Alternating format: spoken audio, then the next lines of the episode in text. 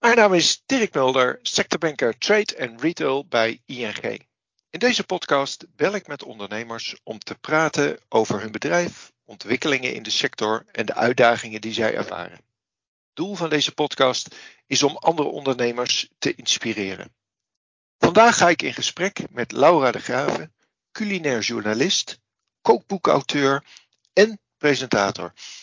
Als culinair journalist werkt zij op het moment onder andere voor Foodies Magazine en Algemeen Dagblad. Ze schreef diverse boeken, waaronder het Amsterdam Kookboek. En als presentator presenteerde ze onder andere voor tv-zender 24 Kitchen. Ik praat met Laura over actuele trends in de voedingsketen, het belang van gezonde voeding, de korte keten en veranderingen in de voeding bij jonge generatie.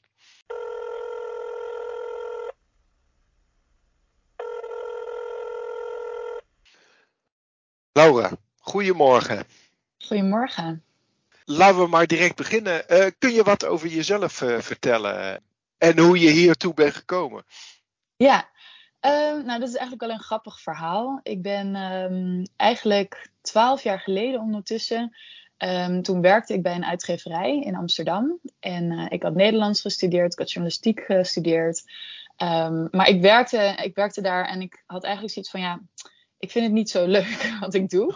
En uh, sterker nog, ik was eigenlijk elke zondag moest ik huilen omdat ik dan maandag weer naar mijn werk toe moest. Oeh, dat is dus het was, ja, het was niet echt een, uh, een top uh, situatie. Um, maar daardoor had ik wel een soort urgentie om hart te gaan volgen.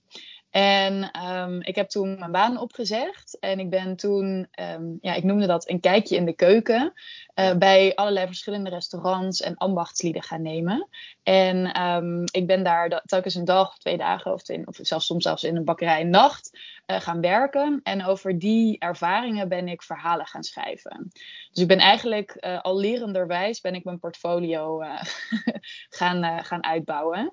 En um, toen uh, ben, ik, uh, ja, ben ik eigenlijk vrij direct bij het tijdschrift van Jamie Oliver uh, terechtgekomen.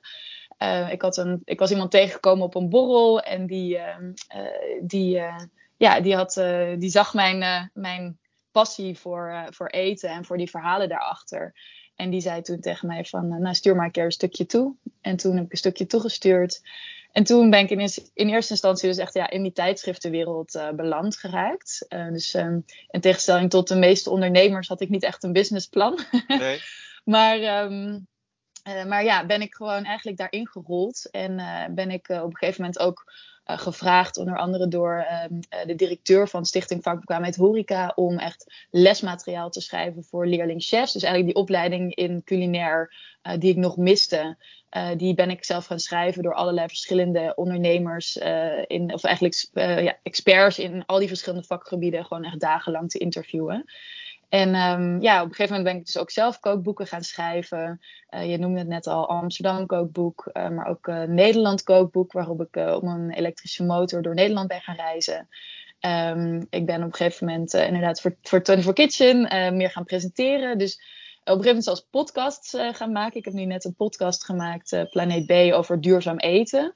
Uh, dus eigenlijk, ja, alle vormen die ik maar kan, die, die, um, uh, die er maar zijn als het gaat om media, die, uh, die vind ik leuk. En ik probeer eigenlijk op al die manieren, op al die vlakken verhalen te vertellen achter eten. Dus het blijkt dat als je je passie voor volgt, dan heb je ook niet direct een businessplan nodig. ik denk wil je het, maar ja. zeggen. Ja, ja, ja. En, en, waar komt die passie van jou voor eten? Waar komt die vandaan dan? Uh, nou, die is eigenlijk, komt die bij mijn moeder vandaan. Uh, mijn moeder die heeft uh, culinaire academie gedaan. Die is altijd bezig geweest met eten. En die haalde ook altijd alles lokaal, weet je, bij de visboer, bij de slager, bij de groenteboer. En um, toen ik zelf ging studeren, uh, toen kwam, er eigenlijk, kwam ik er eigenlijk achter van uh, ja, hoe, hoe lekker en hoe gezond ik altijd at vroeger. Mm -hmm. uh, want toen ging, stapte ik een beetje over op de diepvriespizza's. En toen dacht ik, op, na een jaar dacht ik, nou, dat wil ik niet. Dus toen ben ik zelf ook steeds meer gaan, gaan koken. En ja, ik, ik realiseer me nog uh, dat ik, um, ik stond op een gegeven moment ook in de supermarkt tijdens mijn studententijd. Mm-hmm. En, toen, en toen realiseerde ik me van, waar, waar komt dit eten eigenlijk allemaal vandaan? Hoe, hoe is het eigenlijk geproduceerd? Mm-hmm. En vanuit die vraag, uh, vanuit die nieuwsgierigheid, ja, ben ik eigenlijk ja, dit pad opgegaan. Je reis gaan maken. Ja. Klopt, ja. En als je dan terugkijkt, hè, want je, je, je zegt van ik heb in een bakkerij gestaan, ik heb in de keuken van een restaurant gewerkt, maar veel meer. Hè? Ehm, als je dan terugkijkt, wat, wat valt jou dan op in die voedingsketen? Nou, um, eigenlijk met name toen ik het Nederland kookboek aan het maken was. Uh, daarvoor heb ik twee jaar lang echt op mijn elektrische motor door Nederland gereisd. Ben ik langs boeren, langs chefs, langs producenten gegaan.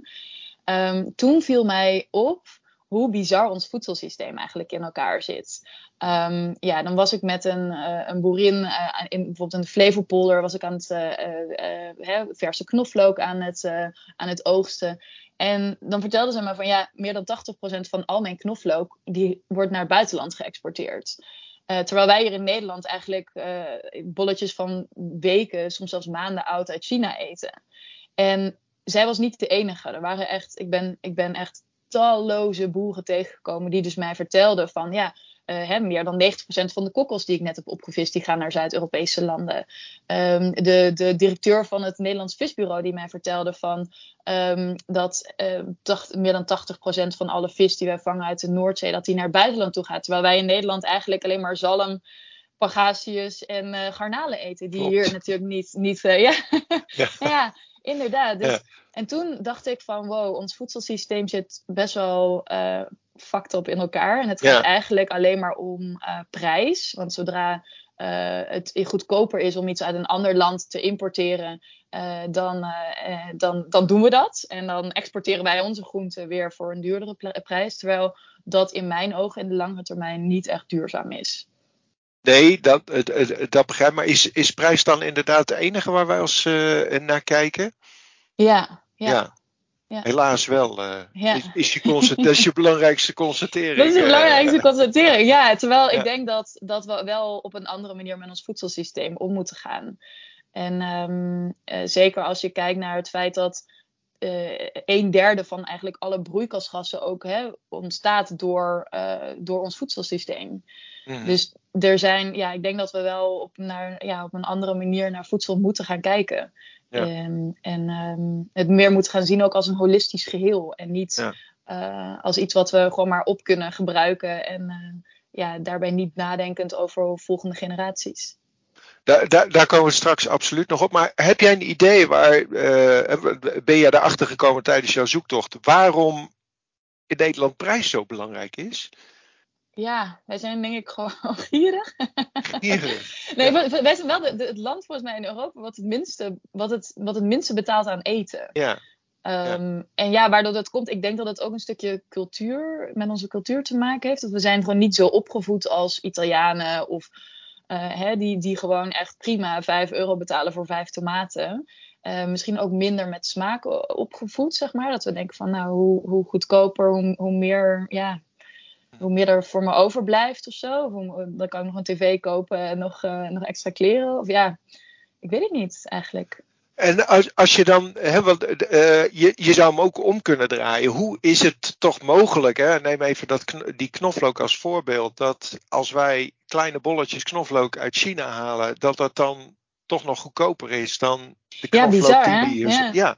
Ja, waar, ja. waar, waar, heb jij enig idee waar dat dan in zit? Uh, Ja, en ligt dan ook niet een deel bij de boeren zelf? Uh, uh, Nee, nee, want kijk, op het moment dat voedselproductie ver weg plaatsvindt, eh, v- verdwijnt het in de anonimiteit. En weten we dus ook niet meer hoe het is geproduceerd. Nee. En dat, ehm, eh, het, het, dan weet je eigenlijk, op het moment dat iets goedkoop is en van ver komt, dan weet je eigenlijk al oké, dit hier zijn chemische, uh, chemische, uh, chemische middelen, bestrijdingsmiddelen, pesticiden voor gebruikt. Uh, de, de, dat heeft weer effect op de, op de grond, op het bodemleven. Um, er is waarschijnlijk veel kunstmest gebruikt, wat weer effect heeft op dead zones in de oceanen, waar, waar geen leven meer kan plaatsvinden, omdat, het, omdat er geen zuurstof meer is. Um, dus alles, ik zeg ook altijd, stem met je voor. Weet je, je kan met jouw voor kan je kiezen voor iets wat goed is geproduceerd. En op het moment dat iets dichterbij wordt geproduceerd, heb je er wel meer zicht op. Kan je wel, weet, je, weet je wel beter vaak hoe iets is geproduceerd. Dus ja, ik, um, uh, ja. er moet een verandering plaatsvinden, maar Klopt, de, vraag is alleen van ja, hoe, hoe gaan we dat dan teweeg brengen? Ja, en, Het heeft, en het heeft ook te maken met supermarkten. Hè? Want laatst zag ik, hoorde ik bijvoorbeeld, Lidl is nu gestopt ook met het invliegen van, uh, uh, van producten. Ja. ja, inderdaad. En, en dat zijn wel echt hele grote veranderingen, vind ik, in, in, uh, die, die bedrijven ook kunnen doen. Um, ja, als het gaat om, om, om bepaalde, iets, een bepaalde boodschap uitzenden. Want ja, als er in de supermarkt, ik bedoel, er liggen nu gewoon nog steeds uh, uh, witte asperges in de supermarkt. Ja, dat is, vind, in mijn ogen is dat te gek voor woorden. Maar de, de, de gemiddelde consument die ook niet meer weet wat de seizoenen is, die denkt, oh, 2,99 euro voor witte asperges. Lekker goedkoop, lekker, lekker toch, asperges. Die koopt dat. En mhm. ja, die weet dus niet, zeg maar, meer hoe dat is geproduceerd. Dat het ook nog van de andere kant van de wereld is moeten komen. En dat ja, is um, in mijn ogen dus, dus ook wel deels uh, ja, vanuit supermarkten en ook, ook overheden belangrijk dat daar, uh, dat daar op, op toegezien wordt. Of dat daar in ieder geval ja, regels, of, of in ieder geval dat, dat daar een soort bepaalde boodschap wordt uitgeschreven. Ja. Maar nou, nou zegt de supermarkt, die zegt van ja, Weet je, uh, dat is zo. Alleen de consument die, die, die vraagt het van ons. Ja, hè? Uh, uh, en, en als, ze, als wij het niet leveren, dan gaan ze naar onze concurrenten en dan zijn we ze kwijt. Ja. Hoe, hoe kijk je daar dan? Ja, dit is in mijn ogen het kip-ei-verhaal. Ik denk mhm. dat als het er niet is, dan koopt de consument het niet. Punt. En als hij naar de andere, naar, naar een andere, als iedereen dezelfde boodschap uit gaat zenden op een gegeven moment, dan ja, is dat in mijn ogen ja, is dat nou is dat, is dat probleem er niet meer. Nee. Maar hoe gaan we het dan veranderen? Is, is dat dan alleen maar hè, van de supermarkt niet, uh, niet meer uh, verkopen? Nee, nee ja, ook een stukje bewustwording. En dat is dus ook wat ik probeer te doen met, met verhalen vertellen. Uh, dus ook te laten zien van hey, wat voor producten zijn er dan weer in het seizoen. Uh, wanneer, zijn, wanneer in het seizoen? Dan zijn ze ook goedkoper. Weet je? En ook een beetje die positieve uh, ja, vibe daar aan te geven van yes, weet je, asperges zijn nu in het seizoen. en, en ook tools te geven, hoe kunnen mensen dat bereiden. Dat is een beetje wat ik probeer te doen.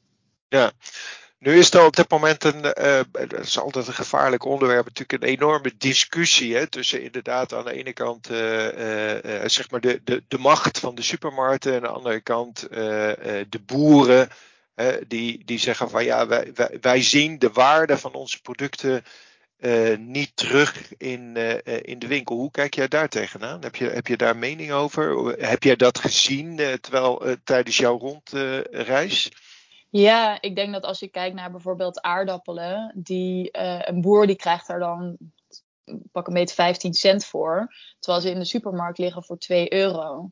En die, dat is natuurlijk wel een beetje een scheef verhaal, zeg maar. Als je erover nadenkt dat die boer ook nog eens van die 15 cent ook nog allerlei productiekosten heeft. Die moet zijn tractor uh, over het land, weet je, die is er het hele jaar mee bezig. Dus die houdt in het, in het, uiteindelijk misschien 5 cent over.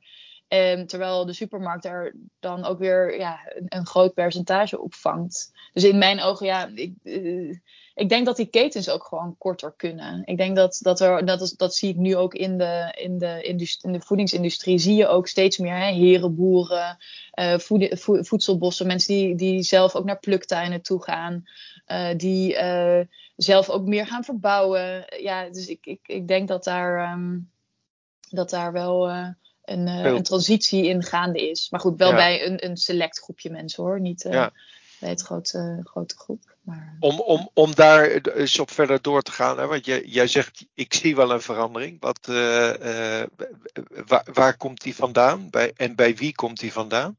Heb jij daar een idee over? Um, nou, ik denk toch wel bij de consument die dus steeds bewuster wordt en dus ook meer vragen gaat stellen. En, en um, ook wel ziet van ja, wat, uh, ja, hoe, hoe het voedselsysteem dus in elkaar zit. En dus bewust andere keuzes wil maken. Maar ja, nogmaals, ik denk ook dat er echt wel uh, 98, 98% er helemaal niet mee bezig is.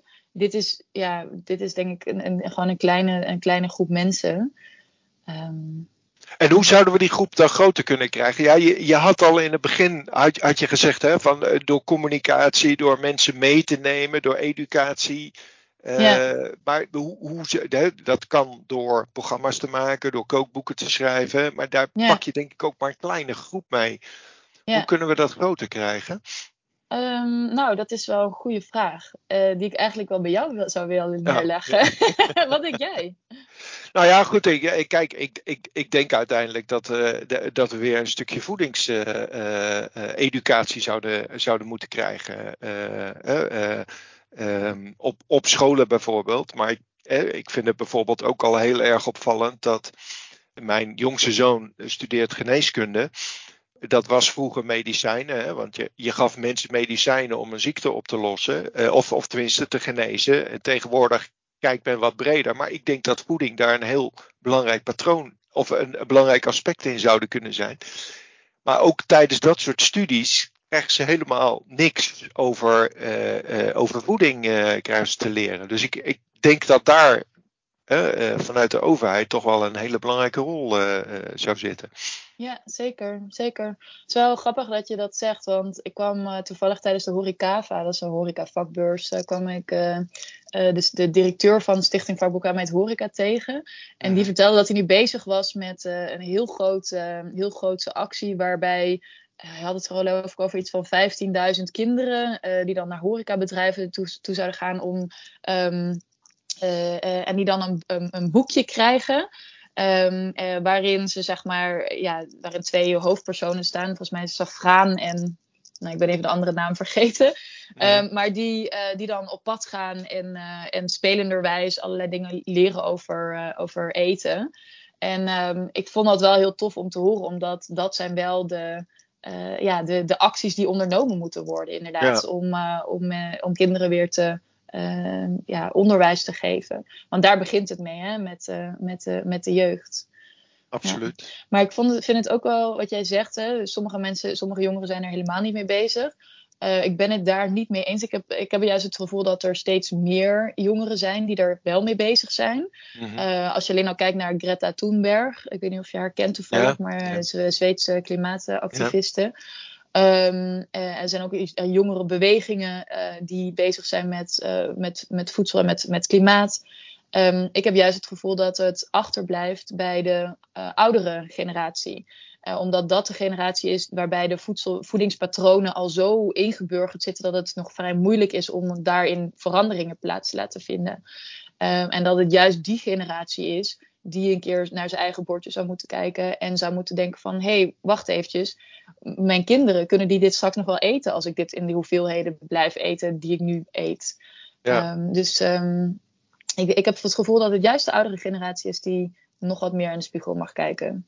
Uh, aan de ene kant herken ik dat. Uh, uh, aan de andere kant zou je kunnen zeggen, ja, dat is de doelgroep die mogelijk het geld heeft om te besteden. Maar ik, eh, eh, wat jij eerder zei, ik, uh, wat ik zie is dat heel veel jeugd zelfs niet eens meer weten waar eten vandaan komt. Uh, laat staan dat ze zelf eten kunnen koken, eten bereiden. En dus vaak voor gemaksoplossingen kiezen die ja. niet altijd even goedkoop zijn. Ja. Ja, nou goed, kijk, daar, daar kan natuurlijk ook weer wat voor te zeggen zijn dat, je, dat ze voor gemak. Dat is ook wel een trend hoor, wat ik zie in de, in de voedingsindustrie. Uh, gemak. Maar gemak hoeft niet per se uh, niet duurzaam te zijn, of hoeft niet per se mm. super duur te zijn. Mm. Uh, wat je nu steeds meer ziet, is je hebt bijvoorbeeld um, plant B, dat zijn dan diepvriesmaaltijden, plantaardig die, die je kan kopen. Die krijg je gewoon in, in kleine pakketjes. Die doe je dan in de vriezer. Uh, en die hoef je eigenlijk alleen maar op te warmen. En dat is gemak, maar dat is ook weer heel erg duurzaam. Omdat het en plantaardig is. En het wordt in hele grote hoeveelheden uh, bereid. En ja. het wordt zeg maar dan ingevoerd. Dus het is, je, hebt, je hebt eigenlijk geen voedselverspilling in de keten. dus dat, dat kunnen ook weer, weer juist duurzame oplossingen zijn. Het liefste gaat Laura dus op pad met haar motor en gaat ze naar de leukste boeren, vissers en geheime adresjes waar de lekkerste lokale producten worden gemaakt. Voor haar zijn deze uitstapjes door het Nederlandse landschap het leukste wat er is. Wat is Laura tijdens deze uitstapjes eigenlijk opgevallen? Nou, het is met name dat, er, dat ik na uh, het Nederland kookboek... Ik heb dus nu net die podcast gemaakt van hmm. Planeet B. Hè? Uh, dus echt over duurzaam eten. En uh, daar ben ik, ik ben ook echt in die wereld van duurzaam eten uh, gedoken. En ook echt in alle subthema's daarvan, uh, ja, eigenlijk me van kennis verricht. Zeg maar onder, onder ben, nou, Ja. je snapt wat ik bedoel. Ehm, en, ehm, en al die subthema's van voedselverspilling, plantaardig eten, ehm, biologisch eten, lokaal eten, eerlijke handel, water, landverbruik, duurzame verpakkingen. echt in al die verschillende subthema's gedoken. En daarin uh, zijn voor mij wel echt uh, ja, de schellen van mijn ogen gevallen van wat doen we eigenlijk? Wat is de urgentie ook? Hè? Want we mm. lopen echt tegen de planetaire grenzen van onze aarde aan. En we zijn ons daar eigenlijk, uh, ik noem het altijd maar zo, het, het, is net alsof we een appeltaart in de oven hebben gestopt. En die appeltaart die is aan het verbranden en niemand kijkt ernaar. Dat is nu eigenlijk wat er met de aarde gebeurt. Ja. dus het is in mijn ogen wel echt belangrijk dat we, dat we de urgentie ervan gaan zien. En, um, en, en daarin ook ja, onze verantwoordelijkheid nemen. En als je daar binnen kijkt, wat, hoe, hoe kijk jij bijvoorbeeld naar dan de ontwikkeling van biologisch? Um, nou, biologisch. Uh, hè, er is in de, Green, de Europese Green Deal gezegd van in 2025 moet uh, 30, even kijken, moet 30 2030 moet 25% mm van alle landbouwgrond moet biologisch zijn. Nou wordt er al vanuit de Wageningen Universiteit gezegd van nou dat, uh, dat, dat is eigenlijk onrealistisch. Mm Maar goed, er, er wordt nu wel uh, volgens mij 26 miljard wordt daarin geïnvesteerd vanuit de overheid om in 2030 in ieder geval, um, wat was het? 15% uh, biologisch, uh, uh, van de landbouwgrond biologisch te maken. En als je daarnaar kijkt, is nu is 4,4% van alle landbouwgrond biologisch. Dus dat is echt immens weinig. Dus daar zijn nog heel veel stappen in te behalen. Uh, en ik denk dat dat wel echt een van de. Van de dat het ook logisch is dat daar, um, dat daar zoveel geld in wordt gepompt. Want het moet. Als we het niet doen, dan gaat de aarde gewoon naar de getver.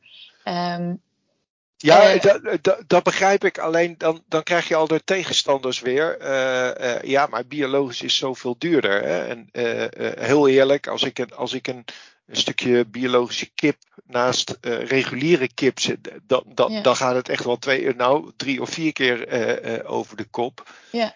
Daarmee zou je ook kunnen zeggen, biologisch is dan voor de happy few ja, maar ik denk dat als jij al stopt met iedere dag een stukje biologische kip eet, in plaats en dan het nog één keer in de week eet, dan is het ineens weer een heel ander verhaal. En als je mhm. het dan vervangt, deels vervangt door bijvoorbeeld pulvruchten of uh, en een beetje noten. Weet je, we hebben niet al die eiwitten nodig uit vlees, wat een heel duur product is.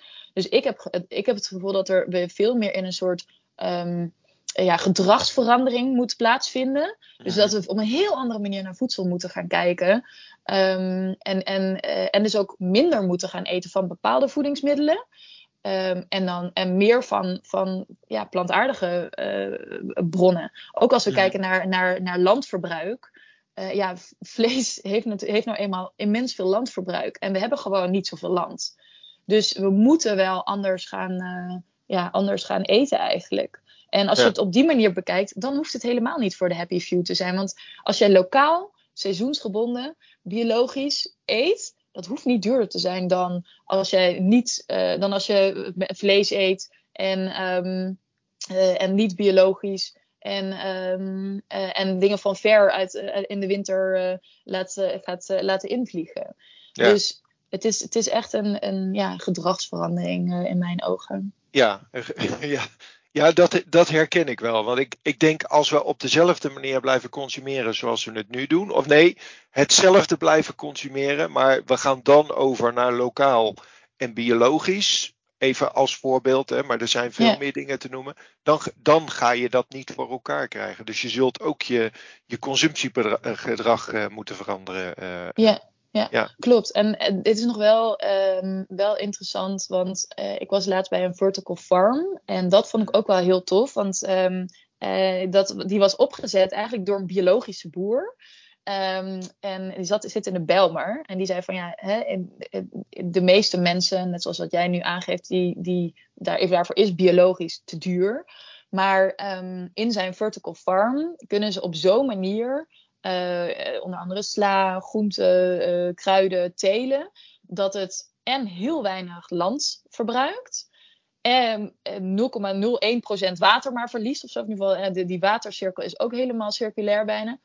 Um, en heel erg goedkoop.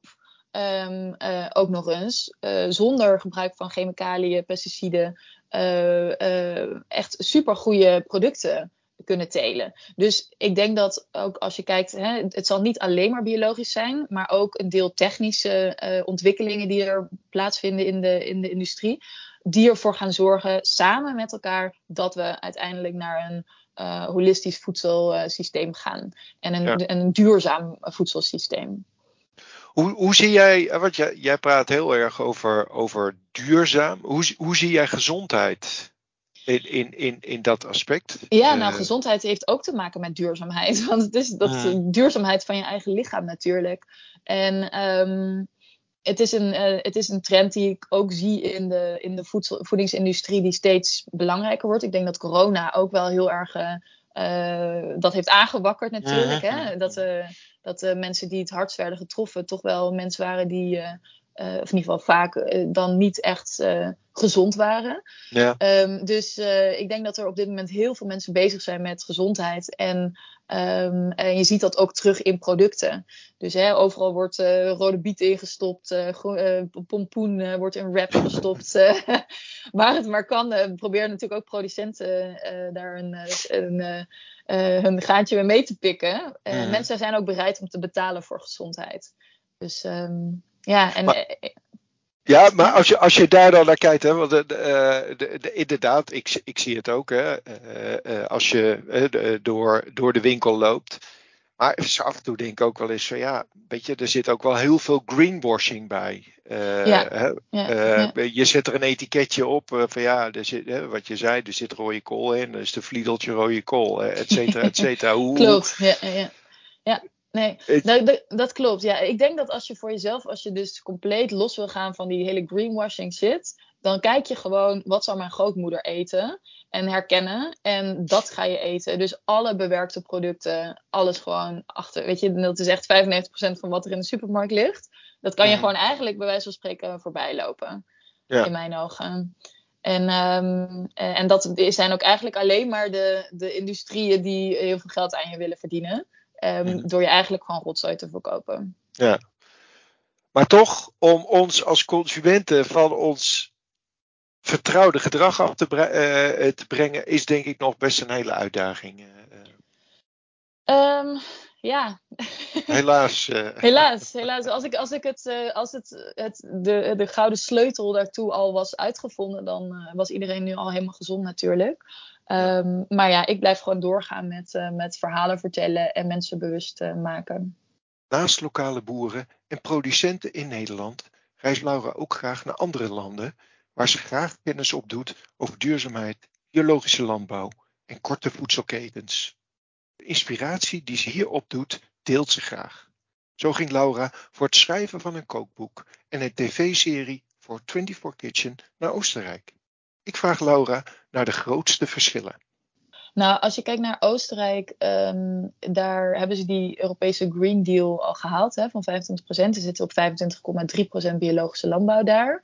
Ehm, en het grootste verschil ehm, vond ik de, ook de nog kleinschaligere manier van landbouw. Eh, dus hè, bijvoorbeeld in eh, Nieder-Oostenrijk, als je daar eh, in juli doorheen rijdt, eh, dan zie je allemaal kleine veldjes met bijvoorbeeld klaprozen. En iedere boer die heeft daar 1, 2 hectare. Een prachtige gezicht trouwens, een beetje zoals de tulpenvelden hier in Nederland. Mhm, mhm. Uh, maar uh, daar wordt dan maanzaad uitgewonnen. En um, nou, met dat maanzaad maken ze weer echt de allerlekkerste gerechten. Ja, bijvoorbeeld maanzaadkoeken van aardappeldeeg. Nou, echt fantastisch. Maar ook maanzaadnoedel, maanzaadpesto. Nou, noem het dan maar op. Um, maar dus hè, die kleinschaligheid, maar ook tegelijkertijd de korte ketens die ik daar heb gezien, waren ontzettend inspirerend. Um, eigenlijk geen enkele chef in Oostenrijk die bedenkt het in zijn hoofd om uh, vis uit de zee te pakken. Want ja, in Oostenrijk hebben ze geen zee.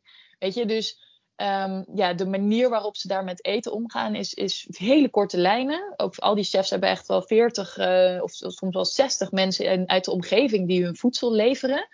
En, um, en daar koken ze mee.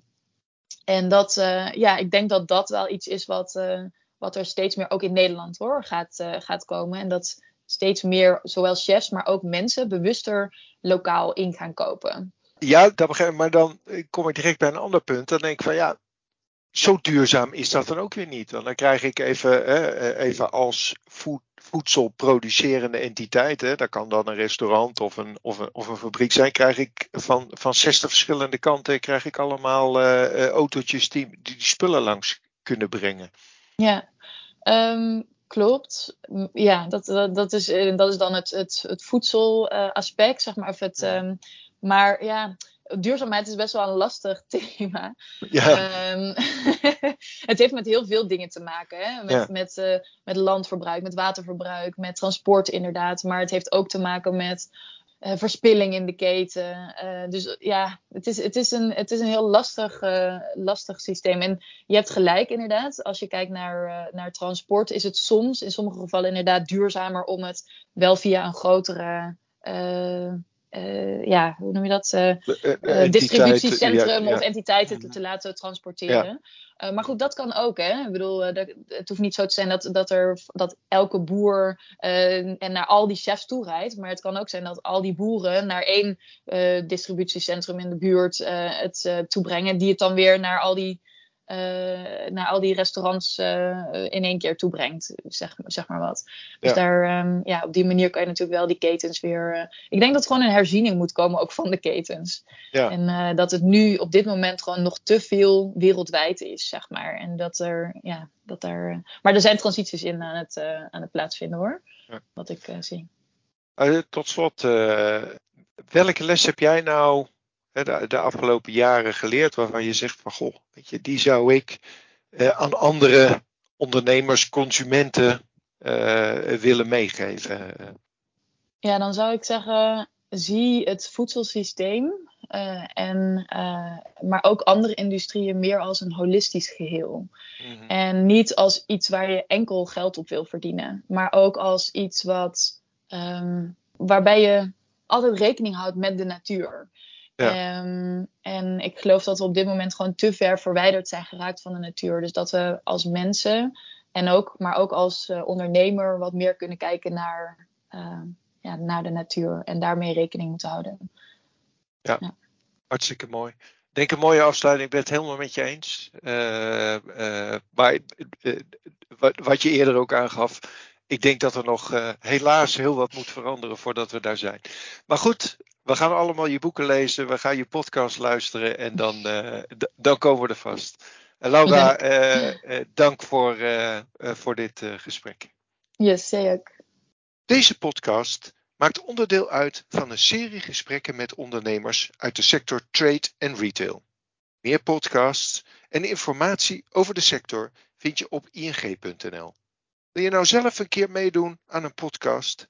Mail me dan op dirk.mulder ing.com.